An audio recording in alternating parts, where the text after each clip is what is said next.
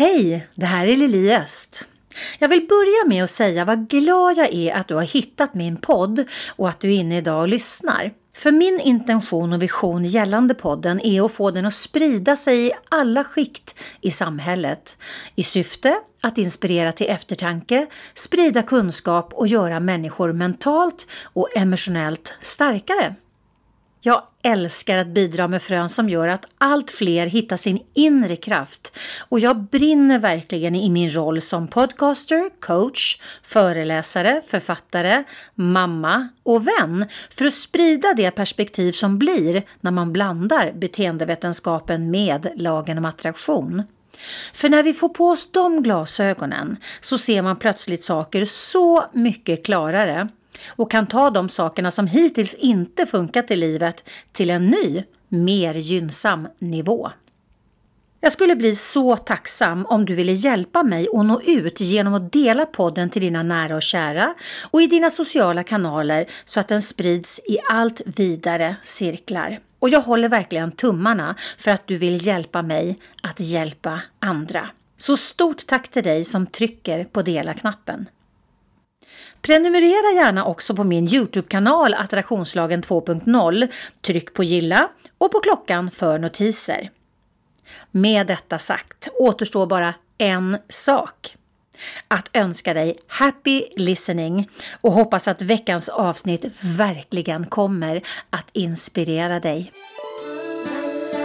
Varmt välkommen till Attraktionslagen på jobbet med Lili Öst.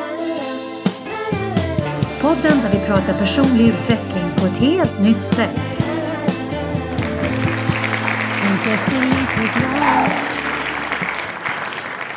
Varmt välkomna till Attraktionslagen på jobbet. Det är Lili bakom mikrofonen som vanligt och idag så sitter jag faktiskt som gäst hos min gäst i studion i hans poddstudio där han sitter på den hubben på Park Södra i Stockholm.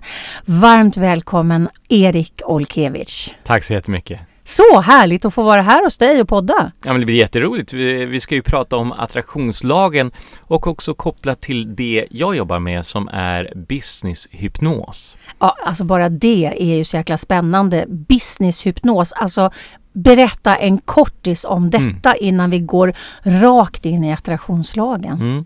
Alltså, eh, oavsett vem vi är så är vi, har vi ett större beroende av en sak än någonting annat. Det är inte sex, det är inte mat, det är inte pengar, utan det är vårt tänkande. Vi, kan, vi är beroende av att tänka. Om vi ändå är beroende av någonting, låt oss då uppa upp vårt beroende så att vi tänker bättre tankar. För när vi tänker bättre tankar, då kommer det att så att säga inte bara attrahera det vi vill ha, utan det kommer också göra att vi eh, mår bättre, blir lyckligare och eh, vaknar på morgonen med en mycket större tillfredsställelse. Mm. Så när jag pratar om businesshypnos och kallar mig själv för businesshypnotisör, då säger jag låt oss se hur vi kan tänka medvetet så att eh, yrkeslivet blir mycket bättre. Och det är därför ledare kommer till mig och säger låt mig bli en tryggare ledare. Mm. Säljare säger hjälp mig övervinna säljhinder. Kreatörer tänker låt mig få bli mer kreativ eller mer produktiv. Så um, det här hänger helt klart ihop med attraktionslagen men också väldigt mycket vad eh, den info och den kunskap som jag hoppas att du och jag kommer kunna dela med lyssnarna.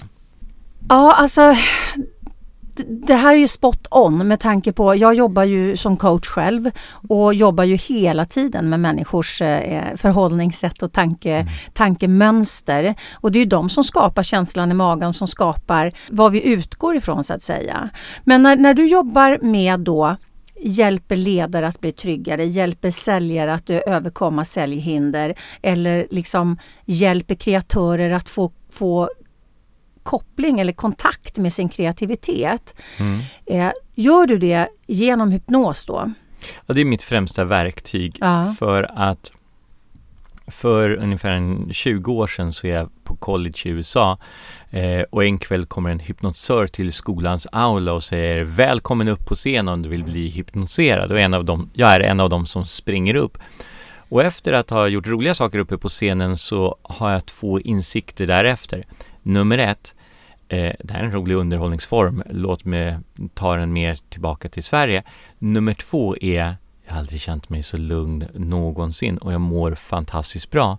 Och en av anledningarna till att eh, jag mådde så bra var att han hade avslutat hypnossessionen uppe på show, med showen där han sa när du sen öppnar dina ögon så kommer ditt liv var helt eh, underbart och strålande. Dina studier kommer att gå bra, du kommer att ha en optimal hälsa och så vidare. Och om vi tänker på det nu med det både du och jag och lyssnarna förstår kring attraktionslagen är att när vi tar in rätt information och låter den bli en del av vårt väsen, vår essens, vårt undermedvetna sinne, då finns det ingen gräns för vad vi skulle kunna åstadkomma. Så då handlar det om att helt enkelt släppa in rätt information, släppa in beröm och stänga ute kritik mm. som en enkel sak. Mm.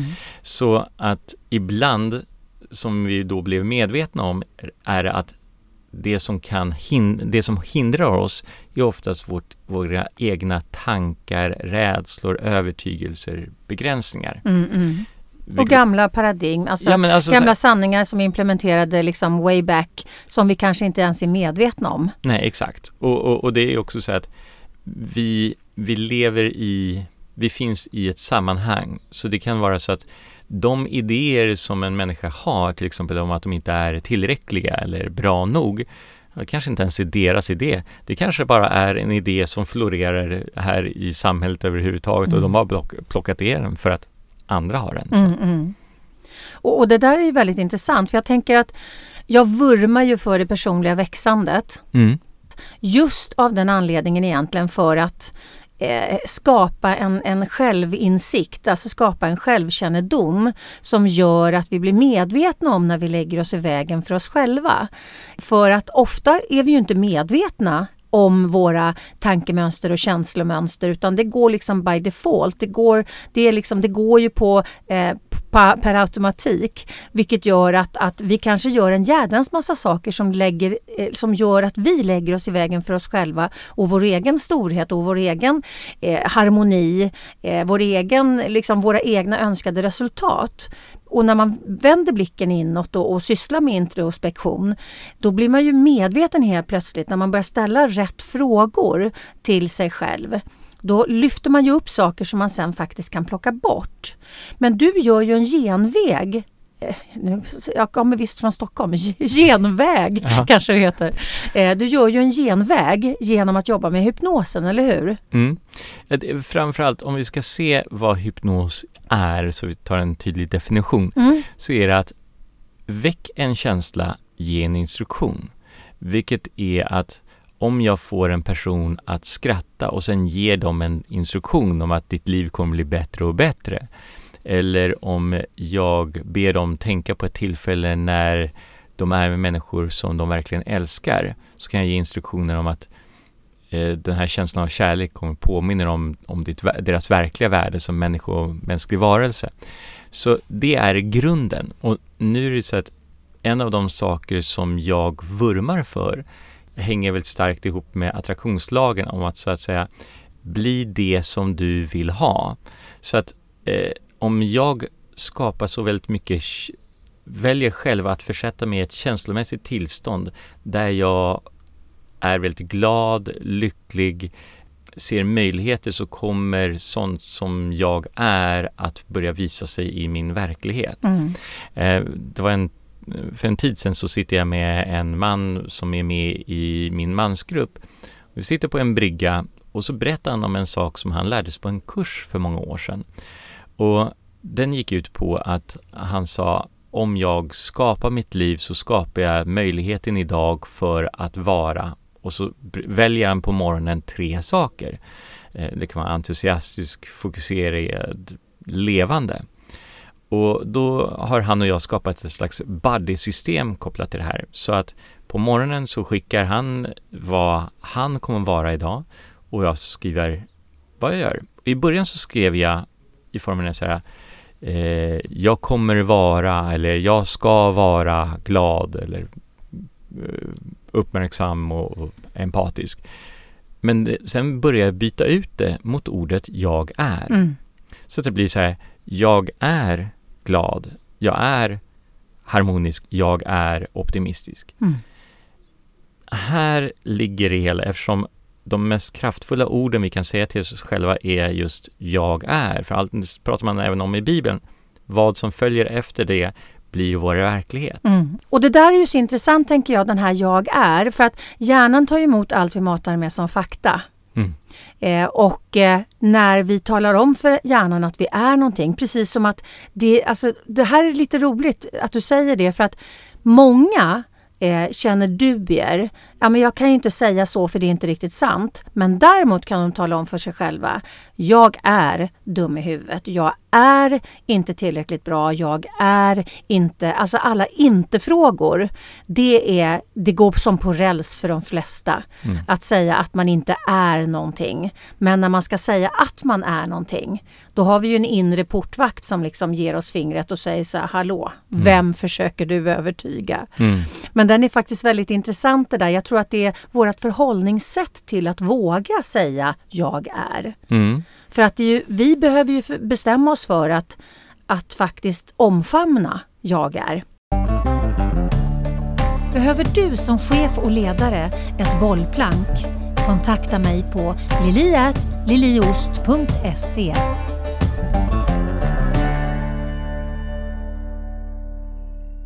Och jag tror att eh, väldigt mycket, den delen som jag ser att, eh, om man tittar på The Secret och liknande, Mm. det som kritiken har kommit kring där eh, har ju varit med att den aldrig in, har själv, nästa steg av att du måste också utföra ett visst antal handlingar. Precis. Så att det räcker kanske inte bara med att säga jag är en gång och hoppas på att nu kommer det vara manna, eh, manna från himlen. Nej. En kritik som har framförts kring just eh, The Secret är att man har tappat bort eh, den delen som faktiskt handlar om att eh, utföra en handling. Precis. Eh, jag hörde en historia nyligen om så här att ett matteproblem. Om det sitter 14 grodor på en stock och tre av dem bestämmer sig för att hoppa ner i vattnet, hur många är kvar på stocken? Och det väldigt många är frestade att säga, ja men då är det 11 kvar på stocken. Men det är faktiskt 14. För att bestämma sig är en sak, att faktiskt utföra det en helt annan. Och det är det här som är eh, det jag skulle vilja komplettera till attraktionslagen. Mm. Att faktiskt utföra det du säger till dig själv att du ska göra. Mm, mm. Om du på morgonen bestämmer dig själv för att idag ska jag vara ärlig, då är du ärlig. Mm. Om du på morgonen eh, bestämmer dig för att du faktiskt ska välja det hälsosamma alternativet på menyn, så kommer du att göra det. Då ska du göra det. Då finns det inte ursäkter för det som gör att jag tror att folk kanske kan komma att misslyckas med attraktionslagen är för att de hela tiden sviker löftet som de har satt till sig själva. För när vi börjar eh, hålla det starka löftet till oss själva, då blir vi fullkomligt ostoppbara. Eh, så fort vi börjar eh, sluta vara pålitliga för oss själva, det är då vi sviker oss själva. Jag lyssnade på Dr. Phil som vid något tillfälle berättade att, tänk dig att du har en person på jobbet och eh, du ser honom eller henne eh, varje morgon när han eh, kommer till jobbet i, i tid, utför sina arbetsuppgifter, eh, är vänlig mot sina kollegor, slutför eh, uppgifterna, gör det där lilla extra för, för kunden eller klienten. Och du ser den här personen dag ut och dag in. Eh, men eh, det är en sak att se sin kollega så ofta, men den personen du faktiskt alltid sitter och ser är dig själv. Mm, mm. Och här har vi en otrolig styrka i att om det ändå är så att du hela tiden ser vad du själv gör så kan du börja eh, bestämma dig att uppföra dig på ett sådant sätt så att när du sen tänker på, tillbaka på det du gjorde faktiskt blev, ja men det var så som jag hade bestämt mig för att jag skulle göra. Mm. Så, så attraktionslagen är fantastiskt bra om du också lyssnar på vad du säger och säger rätt saker till själv och sen utför det. Precis, och, och, det där är ju verkligen spot on. Jag läser ju mycket, jag följer ju många trådar på Facebook bland annat eftersom mm. jag själv jobbar med attraktionslagen. Nu, nu sitter inte jag och söker så mycket utan jag, jag känner mest av pulsen. Mm. Jag känner av frågorna, jag känner av frågeställningar i, liksom, i publiken. Eh, eftersom jag jobbar med ett utflöde så, så mm. jag, är, jag är nyfiken och intresserad av hur folk resonerar. Mm. Och det är så otroligt många som säger att ah, gravitationslagen funkar inte för mig. Och det är ungefär som att säga nej gravitationslagen funkar inte för mig. För det är mm. ungefär samma, liksom, mm. eh, det, det, är ju samma sak. Eh, men, eh, men just den här saken att att de affirmerar och jag har, jag har affirmerat hur mycket som helst och jag, jag eh, eh, det händer ingenting och, och, jag blir galen snart och så vidare. Och då blir jag så här, okej, okay, alltså från vilken energi affirmerar du? Hur lever du resten av dagen när du har affirmerat klart? Vad är ditt huvudfokus och vad gör du åt saken? Mm. För att det är så otroligt många och jag förstår den kritiken som The Secret som faktiskt fick men jag har ju hållit på att läsa och fördjupa mig i attraktionslagen sedan början på 80-talet. Så jag hade ju liksom när The mm. Secret väl kom så hade jag läst om det 25 år. Eh, men det var många saker som föll på plats när jag läste mm. den boken och såg filmen. Men jag ser ju också the flaws, absolut, för att det är mm. inget wow, det är inget liksom pling-plong, eh, utan det handlar om inställning, fokusering och handling. För att mm. du måste ge energi du måste mm. ge handlingsenergi till någonting. Du kan inte sätta dig på en pinne eh, och meditera och hoppas att det ska liksom trilla ner ifrån himlen utan, utan du behöver vara delaktig i att arbeta i rätt riktning. Så det är så spot on det där som du säger med att vi måste, vi måste liksom kicka in och bli det som vi behöver vara för att nå de resultaten vi vill ha. Mm.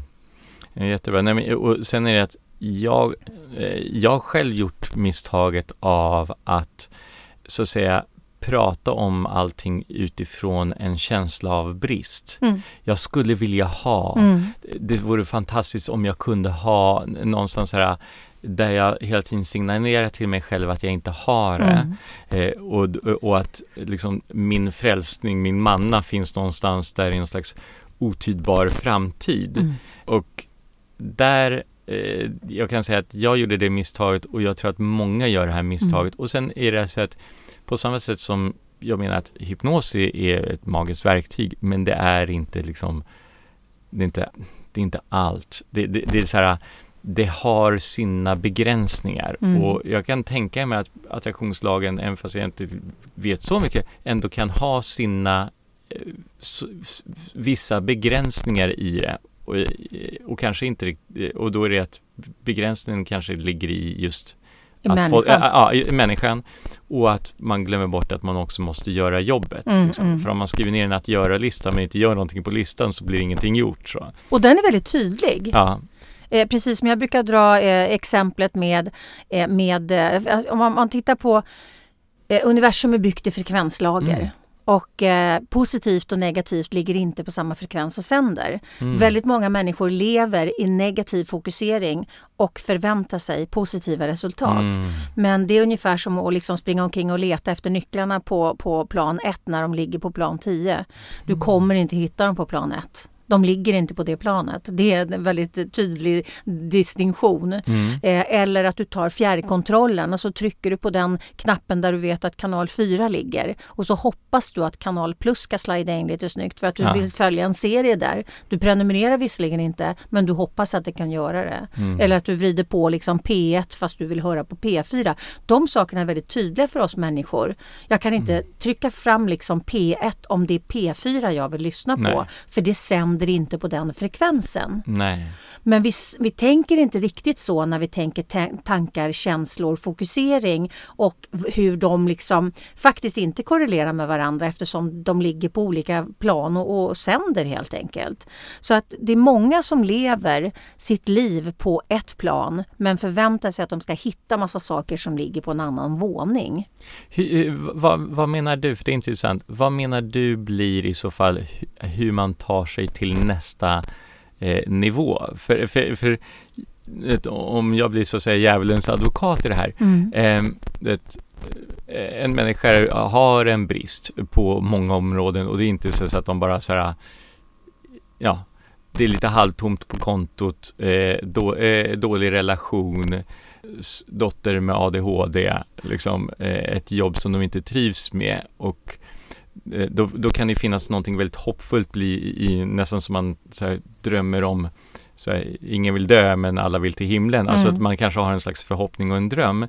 Eh, Men livet är, har verkligen gett en rätt många eh, citroner. Vad är det man då gör, menar du, som ett första steg för att ta sig ur en Byta sån frekvens. känsla? Ja, Ja. byta frekvens. Ja.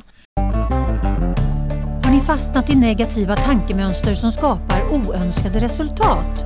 Kontakta mig på lili.liliost.se Nej men alltså jag tänker att, att vårt förhållningssätt är ju A och O. Mm, Eh, vi kan fastna i att bekräfta sanningen. mm, Eh, ja men det är ju sant. Jag har ju inga pengar på kontot. Livet bjuder mig citroner. Det är sant. Absolut, det kan vara hur jävla sant som helst. Men bara för att det är sant så har vi ingenting att vinna på att fastna i att bara konstatera att det är sant, det är sant, det är sant, det är sant. Jag bara tittar på det jag ser hela tiden. Jag fokuserar på det jag ser hela tiden. Bara genom att faktiskt byta fokus till alla andra saker parallellt som faktiskt finns parallellt med att allting suger. Solen skiner fast det suger. Eh, eh, det är vackert runt omkring oss, det kan vara vackert runt omkring oss fast det suger. Vi behöver bestämma oss för att hitta kraften i de sakerna som finns faktiskt parallellt med de här sakerna som är viktiga eller som är, som är jobbiga och ha fullt fokus på dem. Köra lite bingo bingo, parkera, eh, eller inte bingo bingo men parkera, jag brukar prata om cylindrar. Mhm. Att lägga ner saker som, som faktiskt är tuffa i cylindrar. För att de inte ska få sändningstid hela tiden. Om du tänker en Ah. glascylinder. ja. Och sen så, det handlar inte om att, att, att, att låtsas som att det inte finns. Det handlar om att du bestämmer dig för när du ska tänka på det. Mm. Att om du lägger ner de här sakerna som är jobbiga i cylindrar. Mellan cylindrarna finns det space. Mm. I det spacet kan vi jobba med oss själva för att höja oss själva i frekvens. Mm. Fylla på oss med glädje, fylla på oss med saker som gör oss starka, eh, som ger oss energi. Mm. Och det kan vara allt ifrån ett, liksom ett härligt samtal till att gå ut i naturen. Alltså har man en brist på mycket världsliga saker som vi behöver Mm. i, i, i vårt liv, liksom, som till exempel pengar. Mm. Eh, ja, då, då är det ju, det är ju en sån påtaglig del, den påverkar så otroligt mycket. Mm. Men om vi då lägger dem, ja det är, jag vet att det är, men det får inte äga mitt fokus. Så därför använder jag cylindrarna. Och mellan cylindrarna så bygger jag mig själv. Mm. Där höjer jag upp mig i frekvens, frekvens. Så att när jag väl tittar på saken som ligger i, i cylindern, Mm. då är jag på en annan nivå när jag tittar på den. Och Mm. ju högre frekvens vi kommer, ju mer har vi tillgång till våra tankesegel för att då är vi inte i affekt längre. Nej. Och då kan vi titta på det mer konstruktivt och vi kanske kan bli mer lösningsorienterade och kanske hitta, ja men vad fasen, så där har jag ju aldrig testat. Det kanske jag ska göra. Och på det sättet kunna levla ur sin, sin situation. Mm. Men vi behöver ju bli medvetna om hur mycket vi ältar det som suger i vårt liv. Mm.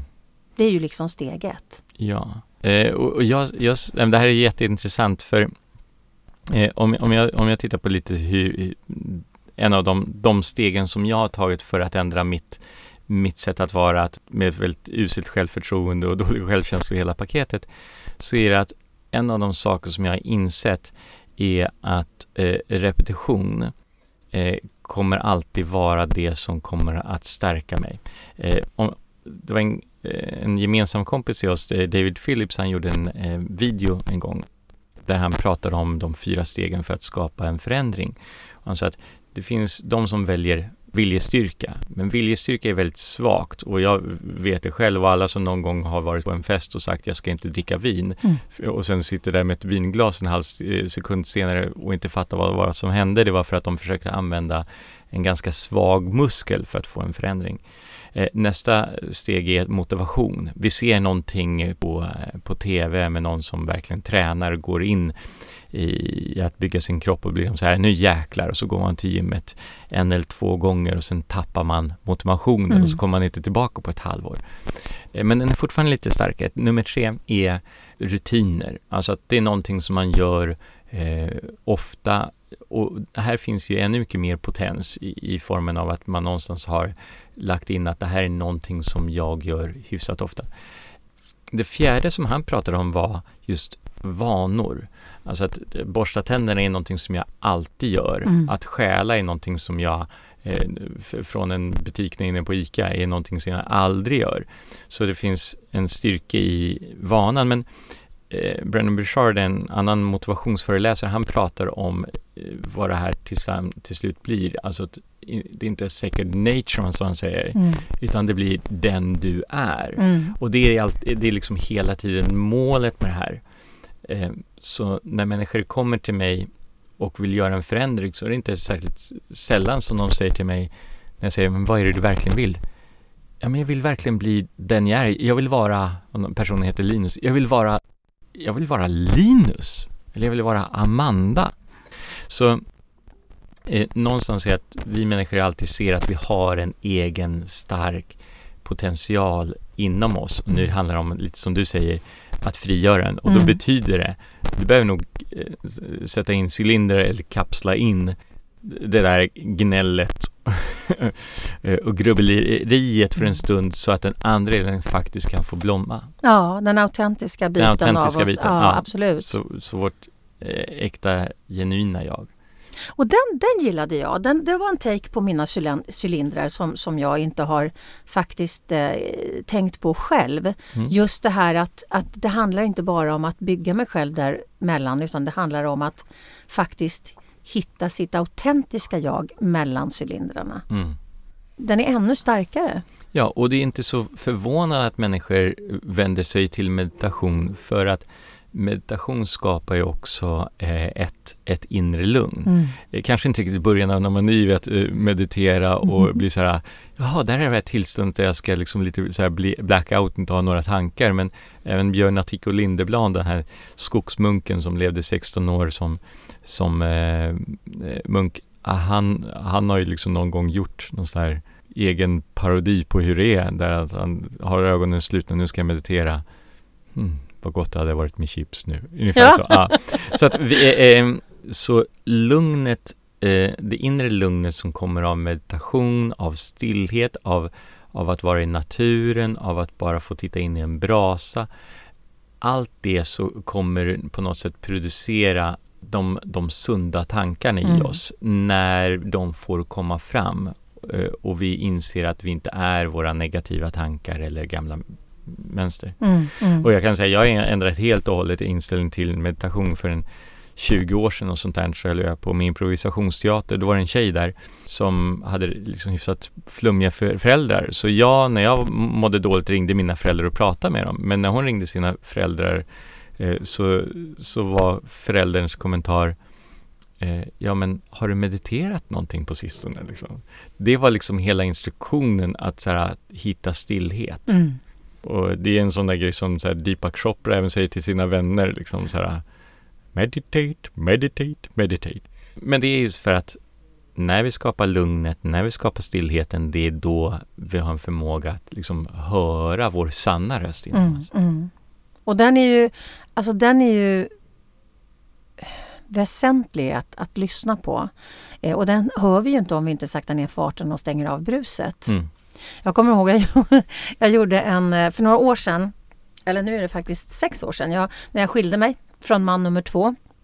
Jag hade flyttat eh, till en, en lägenhet och då hade jag och barnens pappa, det här var inte samma man utan det här var man nummer två som jag då skilde mig ifrån. Så att barnens pappa och jag hade ju då eh, gemensam vårdnad om ungarna. Jag har två barn. Och, och, det här var en vecka då som, som Anders, som han heter, skulle ha barnen och jag berättade för barnen att nu behöver jag, för att det hade varit jobbigt. Det var en jobbig skilsmässa, det var en jobbig flytt, det var, liksom, det var en jobbig period i mitt liv. Jag kände bara så här, och jag hade jobbat väldigt mycket också. Så jag kände bara så här, nej men jag behöver skapa space för mig. Så jag sa till ungarna, nu är det så här, nu vill jag ha fyra dagar för mig själv. Och det är bara om det är fullständigt livsviktigt som jag vill att ni hör av er. Mm. Men jag skulle behöva liksom gå in i stillhet. Jag tänker stänga av telefon, radio, eh, flöde. Jag ska bara liksom sova, kontemplera, eh, möjligtvis läsa om jag tycker att det är bra. Men liksom that's it. Och jag har väl aldrig haft så mycket krisanledningar eh, av mina barn någonsin. Jag, men jag, det är ju fantastiskt, de behöver sin mamma. Men det var verkligen så här, mamma jag vet att jag inte, men jag borde, äh, men du vet sådär. De, det var ju, de skulle ju kontakta mig hela tiden. För jag hade liksom stängt av, men det var bara barnen som kom igenom på min telefon.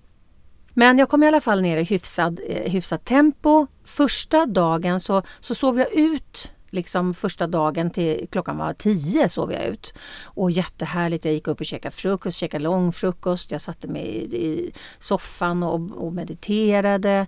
Eh, jag läste en stund, sen blev jag jättetrött. Och så att jag tänkte, så, nej men jag sover middag. Och då var typ klockan tolv. Och då sov jag middag till klockan var fem. Jag bara kvartade totalt in. Alltså det var ju sån enorm sömnbrist till att börja med. Mm. Så att det första dygnet sov jag bara. Men sen just det här att bara kontemplera eh, med några liksom få sms från, eller de här smsen från mina barn. Men, men det var liksom, jag lyckades hålla det mesta liksom ändå i schack. Dag tre, då behöver min son sin dator för att han ska lana med, med grabbarna. Och min dotter behöver någonting hemma också så att båda två behöver komma hem och båda två har med sig kompisar.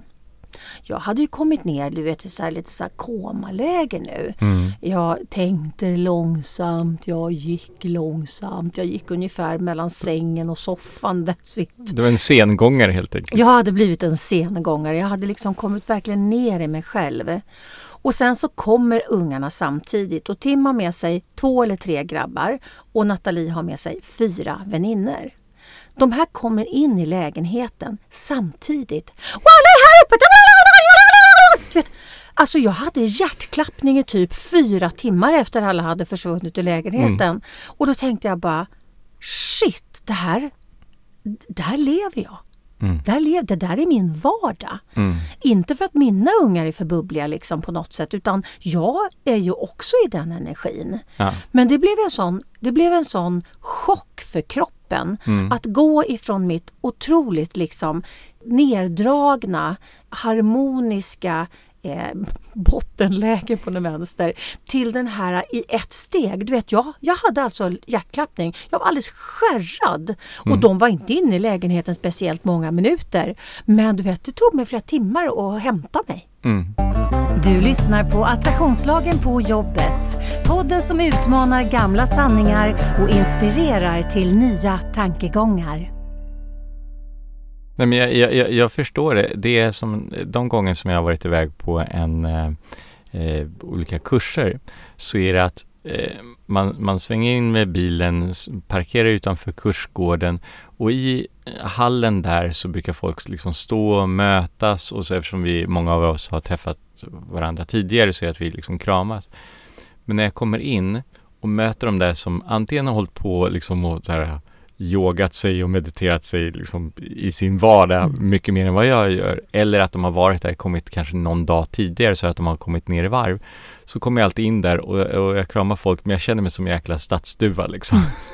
Jag bara Ungefär som, ungefär som en stadsduva måste mm. känna sig för att de går in till så här lastbilar som vill köra ihjäl dem hela tiden. så eh, det här som jag förstår också, alltså att även om jag kan uppleva att jag är rätt lugn så är det så här, det är ingenting i jämförelse med vad jag skulle kunna göra. Det är någonstans, och det är därför jag tycker att det är så bra med eh, olika typer av eh, kurser, för det skapar en slags baseline. Mm. Det är mm. ungefär som vid några tillfällen har jag haft städerska hemma och det har aldrig varit så rent, men någonstans har jag alltid en, då en måttstock av hur rent det skulle kunna vara hemma hos mig. Eh, vilket det inte blir om det inte är någon som städar hos mig. Så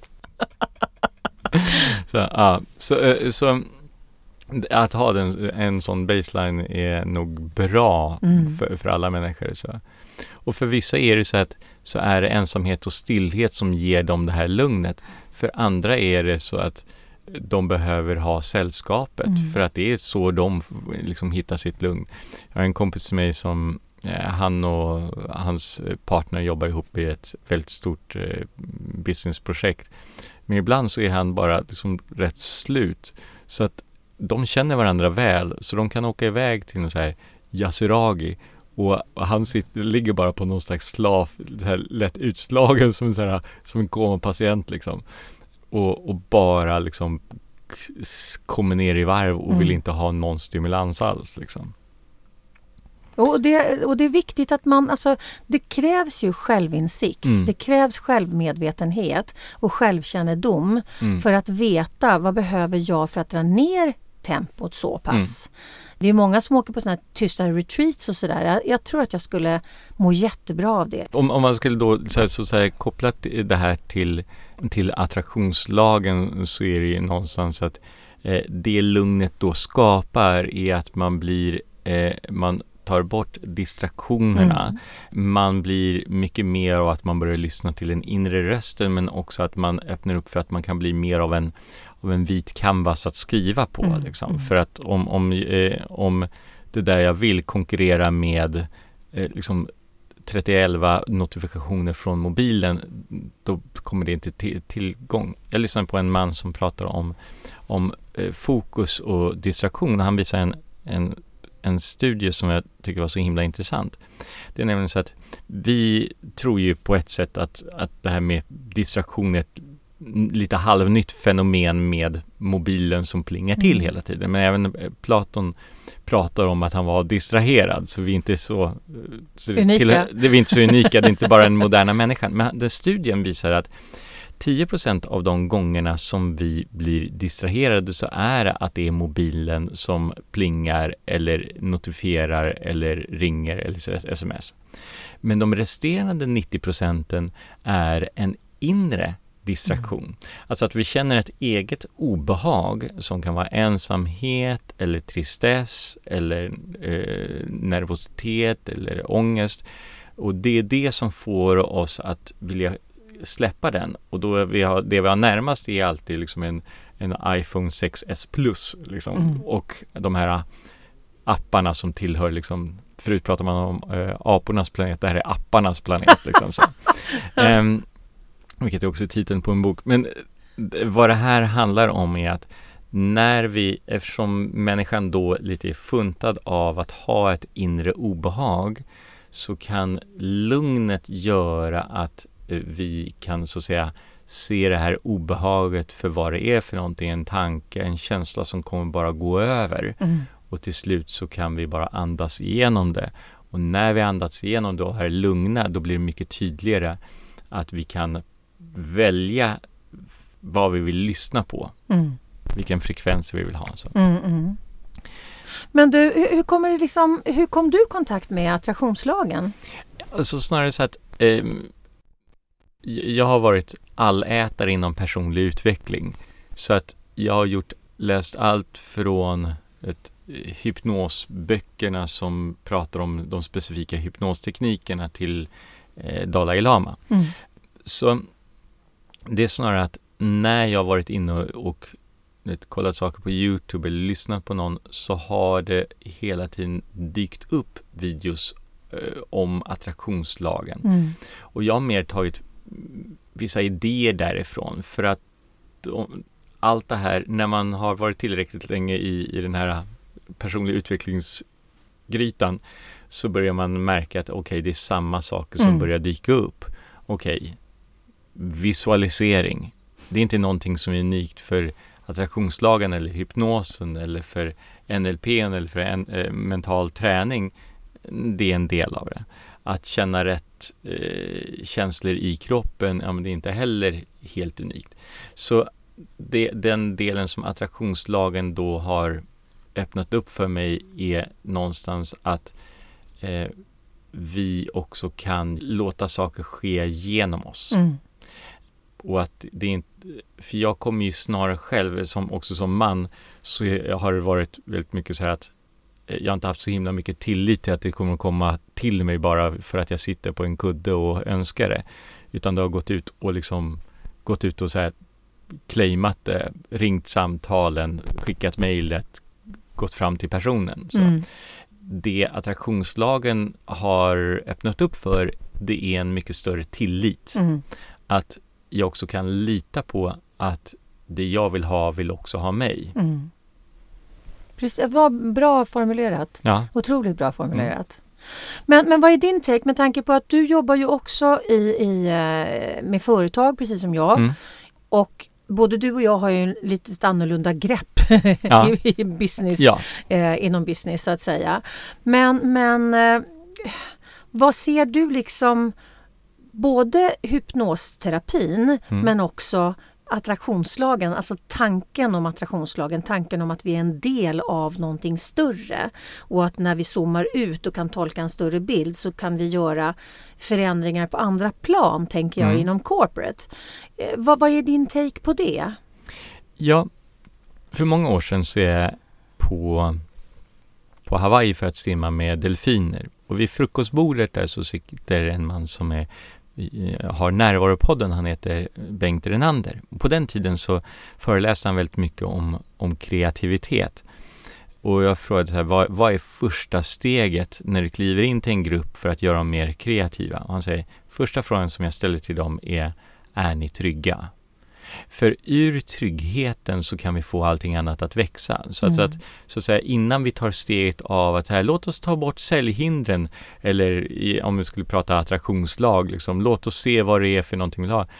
Att skapa ett sådant klimat där det är okej att vara sårbar, att vara ärlig med vad man tycker och tänker, att våga höja sin röst, att veta att det som om jag säger någonting så kommer det att accepteras av gruppen och även om det inte accepteras av gruppen så är det helt okej. Mm. Så jag tror, jag tror att eh, om vi skulle flytta över det här tänkandet till just företag så är det mer så att eh, innan vi börjar göra någonting annat, liksom, låt oss skapa en, en acceptans för att det som vi tar fram nu är helt okej. Mm. Eh, och det betyder också att vi har ett visst antal umgängesregler och uppföranderegler. Det här är det vi tillsammans kommer överens är kommer skapa en, en god känsla. Mm. Och det handlar inte om bara de här slags flumord som, som trygghet, utan det handlar mer specifikt om så här, okej, s- eh, handlar det här om att när en annan person talar så riktar alla uppmärksamheten till den personen. Handlar det om att det som vi tar upp på möte, eh, om vi har ett möte för att diskutera någonting, så är det att vi diskuterar sakerna på mötet. Vi går inte ut sen i korridoren och säger det vi egentligen vill säga på mötet. Nej. Alltså, så, att, så att jag tror att det börjar med att liksom skapa en, ett förtroende mellan människor. mm. Och det gör man genom en praktisk handling. Eh, och man är extremt specifik kring det också. Och jag tror också, alltså jag brukar säga att, eh, och jag det någonstans och det är inte mitt men, men jag har anammat det, att personlig utveckling är den nya kompetensutvecklingen. Mm. För att jag tänker att för att kunna skapa det här som du pratar om nu Mm. så behöver vi, eh, alltså det finns ett bibelcitat, know thyself. Ja, Vi behöver känna oss själva. Vi behöver veta vad går jag igång på och Mm. varför. Alltså var ligger mina triggers någonstans? För om inte jag har koll på vad mina triggers är, då vet jag inte heller varför jag reagerar och blir skitförbannad när Arne sa sådär eller, Mm. eller blir asirriterad på Bettan när hon sa sådär. Men om vi har självkännedom, då kan vi vara mycket mer förlåtande och accepterande för att eh, då kan vi titta, okej, aha, vänta nu här. Jag reagerar jättestarkt på det här. Hmm, intressant, jag måste ha någonting som ligger liksom...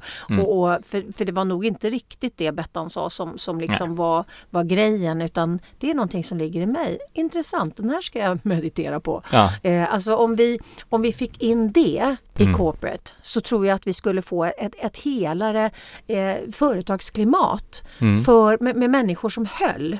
Mm. För jag tänker att i ett annat avsnitt som jag hade häromdagen så pratade jag om, om balansen mellan yin och yang. Mm. Och bara det här veta liksom, vad är min kvinnliga energi och vad mm. är min manliga? Jag är ju väldigt, väldigt mycket manlig energi. Jag är mycket yang mm. eftersom jag är en doer av liksom mm. sällan skådad mått. Men jag inte övar lika mycket på mitt varande och mottagande. Mm. Jag är också en skapande person, mm. Inte en inväntande person. Nej. Men det här behöver ju få en, en balans. Mm. Och om man inte vet eh, var man är någonstans i, i sin balans mellan yin och yang, för att mm. både män och kvinnor har ju både och. Men det kanske är så att, att mannen ska ha mer yang, yang än yin och kvinnan ska ha mer yin än yang för att vara i balans. Det är en reflektion jag har, jag säger mm. inte att det är så. Men om vi inte själva är, är i balans i oss själva då, då blir det ju väldigt lätt att vi lever i reaktion på jobbet. Mm. Och, och, Historiskt har det ju varit liksom, ja, men det, det, där får du sköta på din fritid. Mm. Det där handlar om ditt privatliv, det här handlar inte om jobbet. Mm. Ja, men vänta nu här. Alltså låt oss tänka till.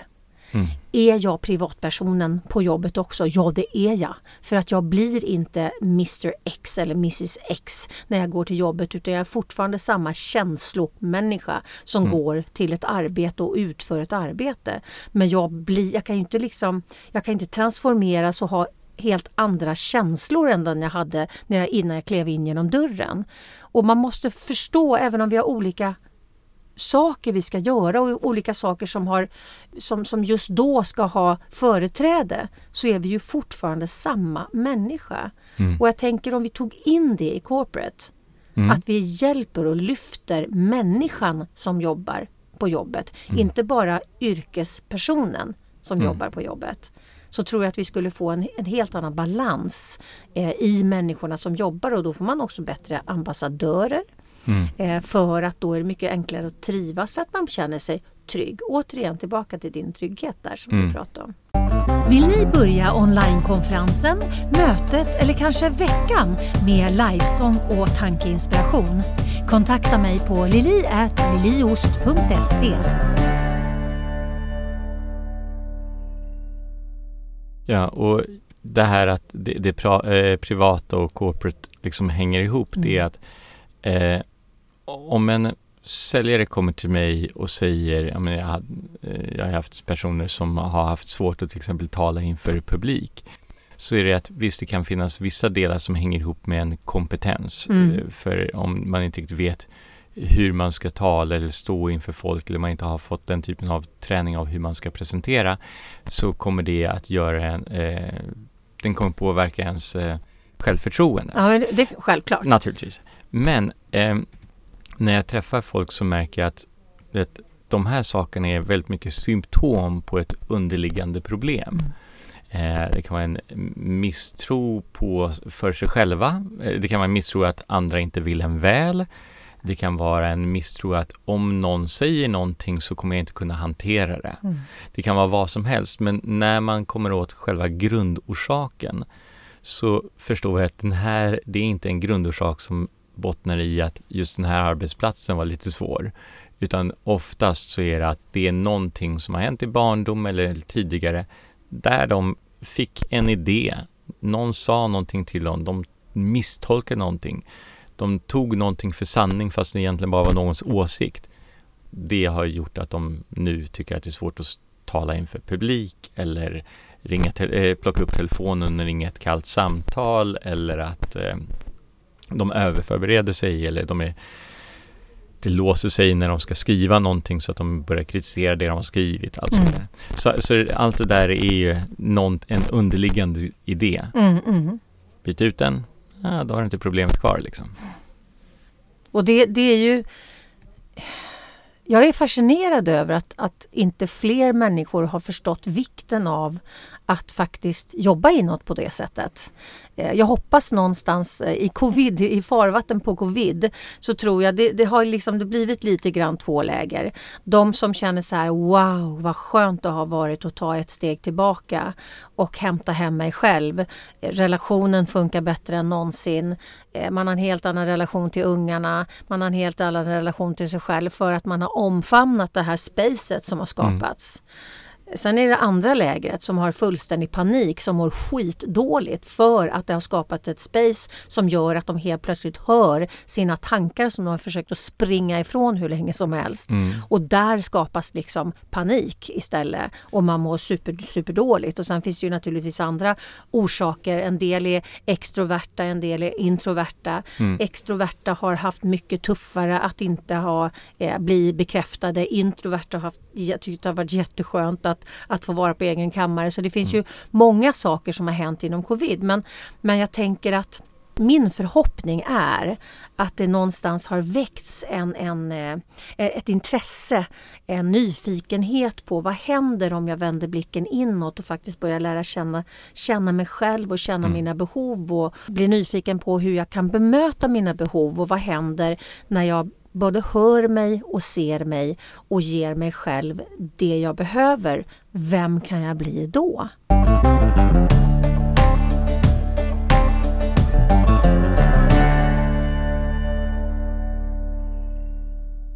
Är jätteintressant. Nej, och sen, sen ska jag säga också så här med, med corona så är det så att, att det här har på, på, för väldigt många människor verkligen vänt upp och eh, ner på, mm. på livet och att mm.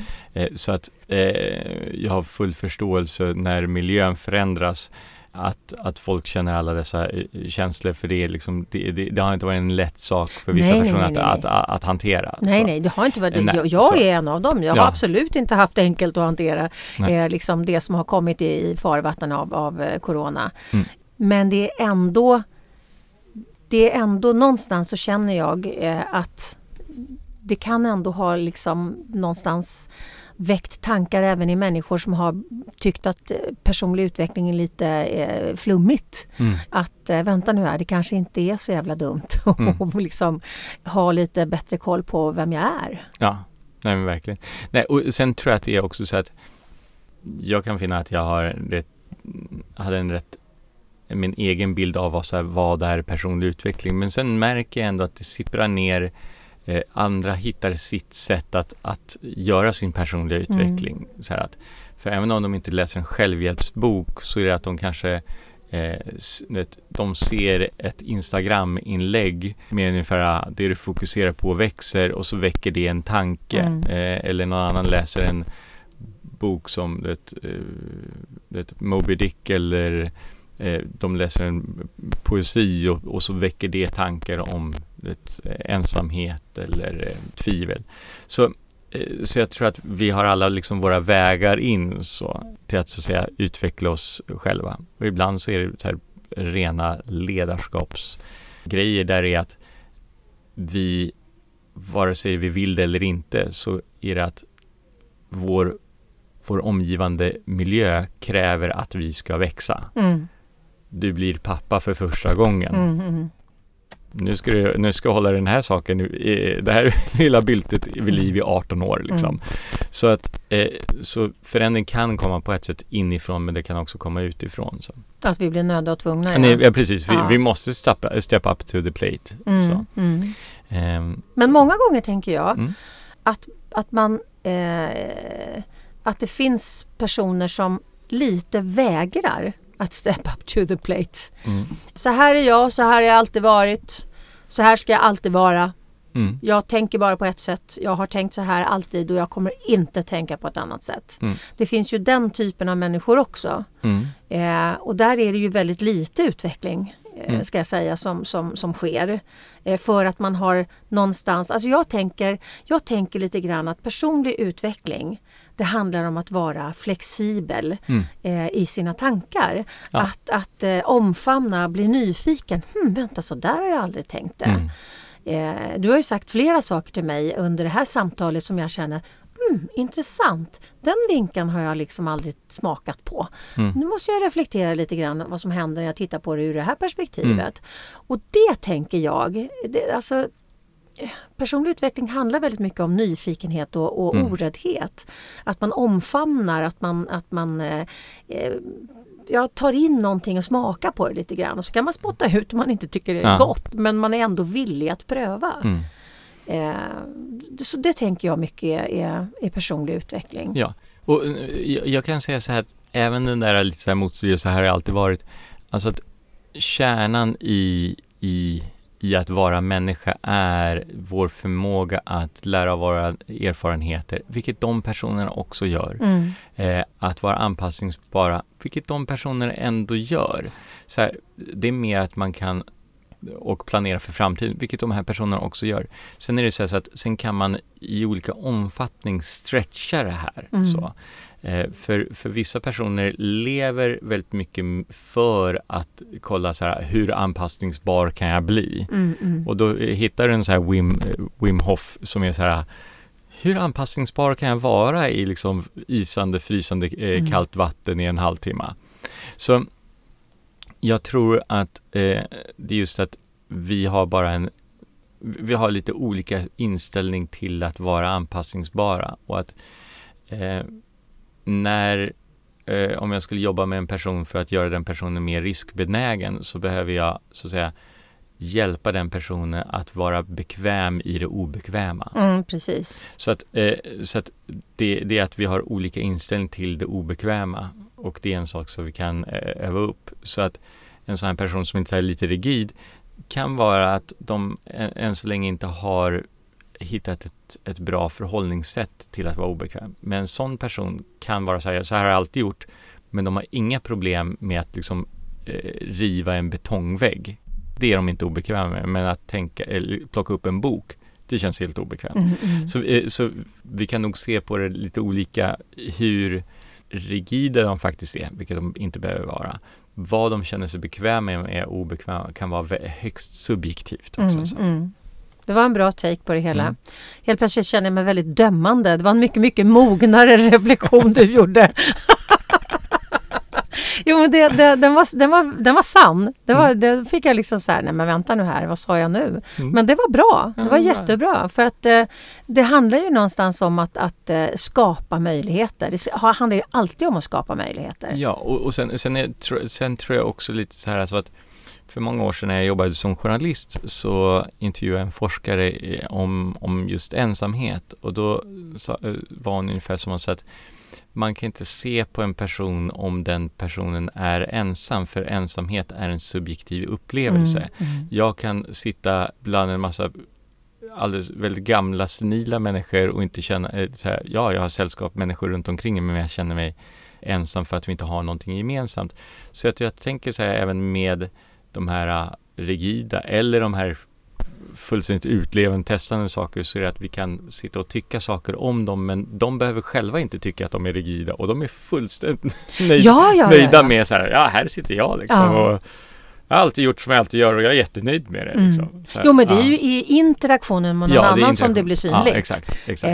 Eh, beroende på hur den personen eh, tar emot det. ja, det exakt. kan ju också vara en, en väldigt acceptera, accepterande människa som, ja ja, nej, men fortsätt du. ja, för, för en, eh. en sån person kan också vara accepterande till att jag, jag gör som jag alltid har gjort och du får göra det du vill. Ja, precis. Och då kan de vara accepterade av en annan person. Ja men precis. Så, nej men, och, nej men just det här, alla de här bitarna är ju så det vi eh, jobbar väldigt mycket med själva. För, för så här, oavsett vilka vi är, även om det är jag eller den personen eller du, så är det att vi alltid kan se tillbaka för några år sedan och bli så här, herregud, det var det så jag tänkte, var det så Mm. jag betedde mig? Mm. Så, så, att, så jag, tror, jag tror att livet eh, är en läromästare. Ja, i allra högsta grad allra högsta skulle jag säga. Ja. Men du, jag har en liten fråga gällande hypnos. Mm. Kan man hypnotisera sig själv? Ja, det är det som är essensen och det är, det är det som ger oss en verklig frihet. Det kallas för självhypnos. För Eller självsuggestion? självsuggestion, Ja, precis. va, va, grunden i, i det är att vi har ett undermedvetet sinne.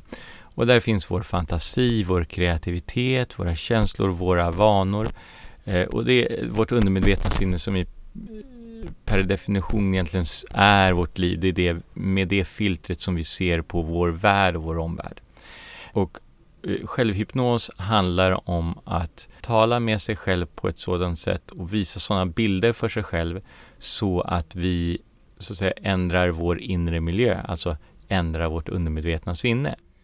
Och när man lär sig just hur man tar kontroll över sitt undermedvetna sinne, ja, det är då livet blir riktigt roligt. För det är då vi har så att säga en förmåga att just som du säger ta, äh, lägga de negativa, grubblar, äh, ältande frågorna i en cylinder och säga, ja men den här förpassar jag till det förflutna eller kastar iväg det i en soptunna.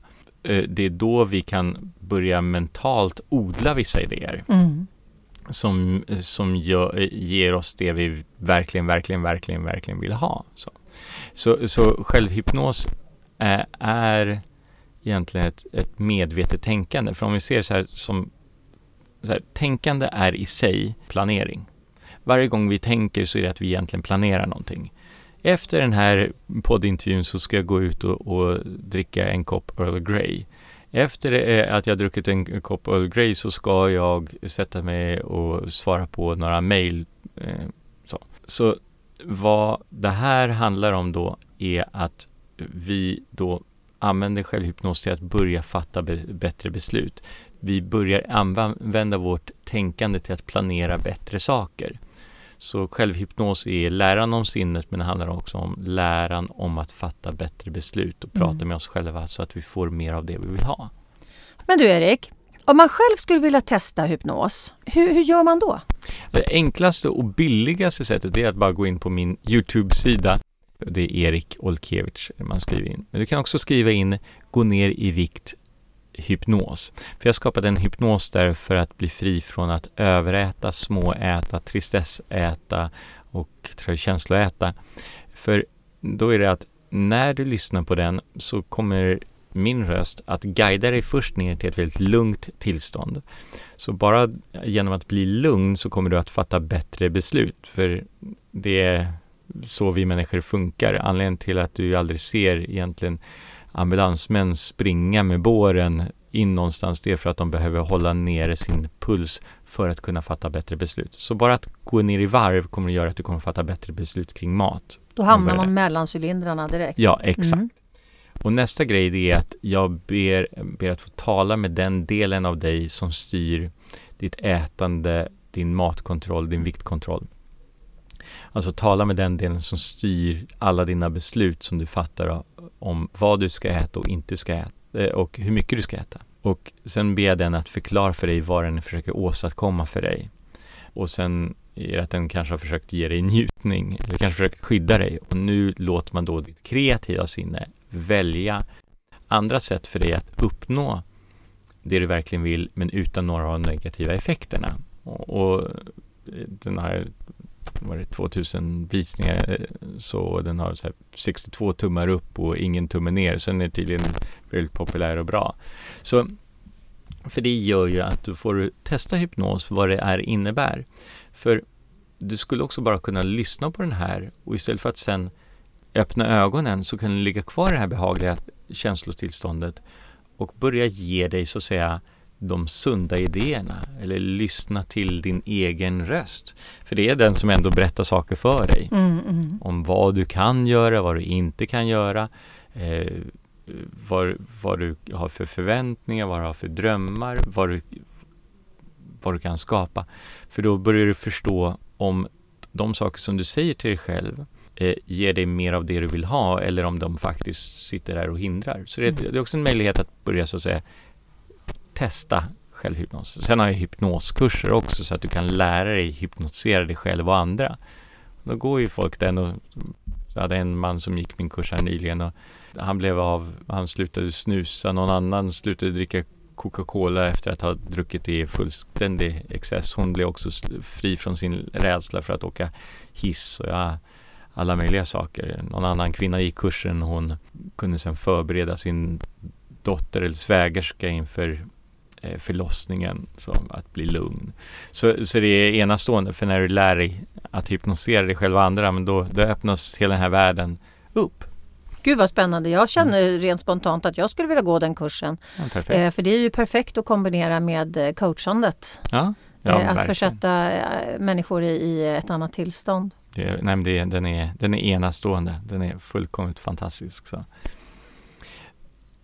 Coolt!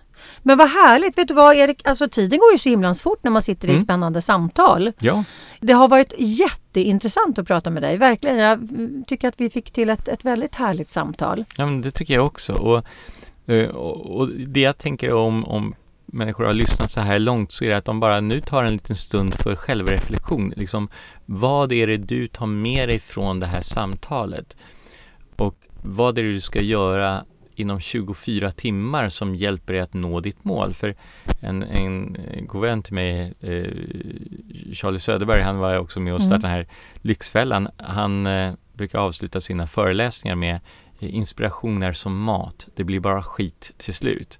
Och det han också inspirerar till, det är att man ska börja göra någonting. Mm. För annars hamnar vi i den här gamla attraktionsfällan av så här, det här var spännande och kul och sånt där. Mm. Och sen gör man inte någonting. Så nu är, om jag får vara en sån person som uppmuntrar dig till att göra någonting, så är det så att faktiskt, gör någonting nytt, någonting annorlunda. Om det är att skriva ner tre saker som du vill ha mer av i ditt liv. Om det är att lyfta upp telefonluren och ringa den där personen som har funnits i dina tankar nu. Om det här handlar om att eh, faktiskt göra den där grejen som du är lite rädd för men du förstår faktiskt inte riktigt är farligt utan bara hjärnspöken. Vad det nu är för någonting, för det som finns på andra sidan där är frihet. Frihet finns på andra sidan. Den människan längtar efter. Så när de säger att jag, jag vill bli den här Lukas eller jag vill bli den här Amanda eller jag vill Mm. bli den som jag är ämnad att vara så är det att de vill känna friheten i att få vara sig själva eh, fullt ut Mm, och, mm. och själva kunna liksom så planera sin framtid på det sätt som de vill ha. För attraktionslagen handlar om eh, drömmar men också om att göra drömmar verklighet. Mm, precis, you need to show up. Ja, you need to show up. Mm. Det var väl ett fantastiskt bra sätt att knyta ihop eh, bra, säcken toppen. på idag. Perfekt. Tack snälla Erik för att du eh, bjöd in mig i din studio Ja, här perfekt, på, eh, på eh, Park Södra. Och tack snälla du som lyssnar och varmt välkomna tillbaka nästa vecka. Hej då! Hej. Du har lyssnat på podden Attraktionslagen på jobbet. Podden som utmanar gamla sanningar och inspirerar till nya tankegångar. Tänk efter lite grann. Hur har du det omkring dig nu? Är du nöjd?